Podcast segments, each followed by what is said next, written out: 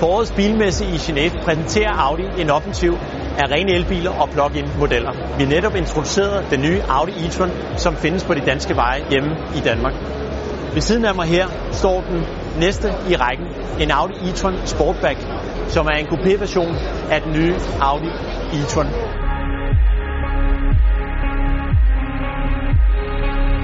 Vi præsenterer også en vifte af plug-in modeller.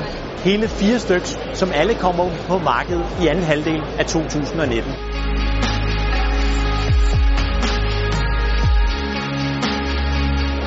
I Genève viser vi også den produktionsklare Audi e-tron GT. Den udmærker sig ved at have hele to elmotorer, quattro firehjulstræk. Den har et systemoutput på 590 heste, hvilket bringer bilen fra 0 til 100 på kun 3,5 sekunder.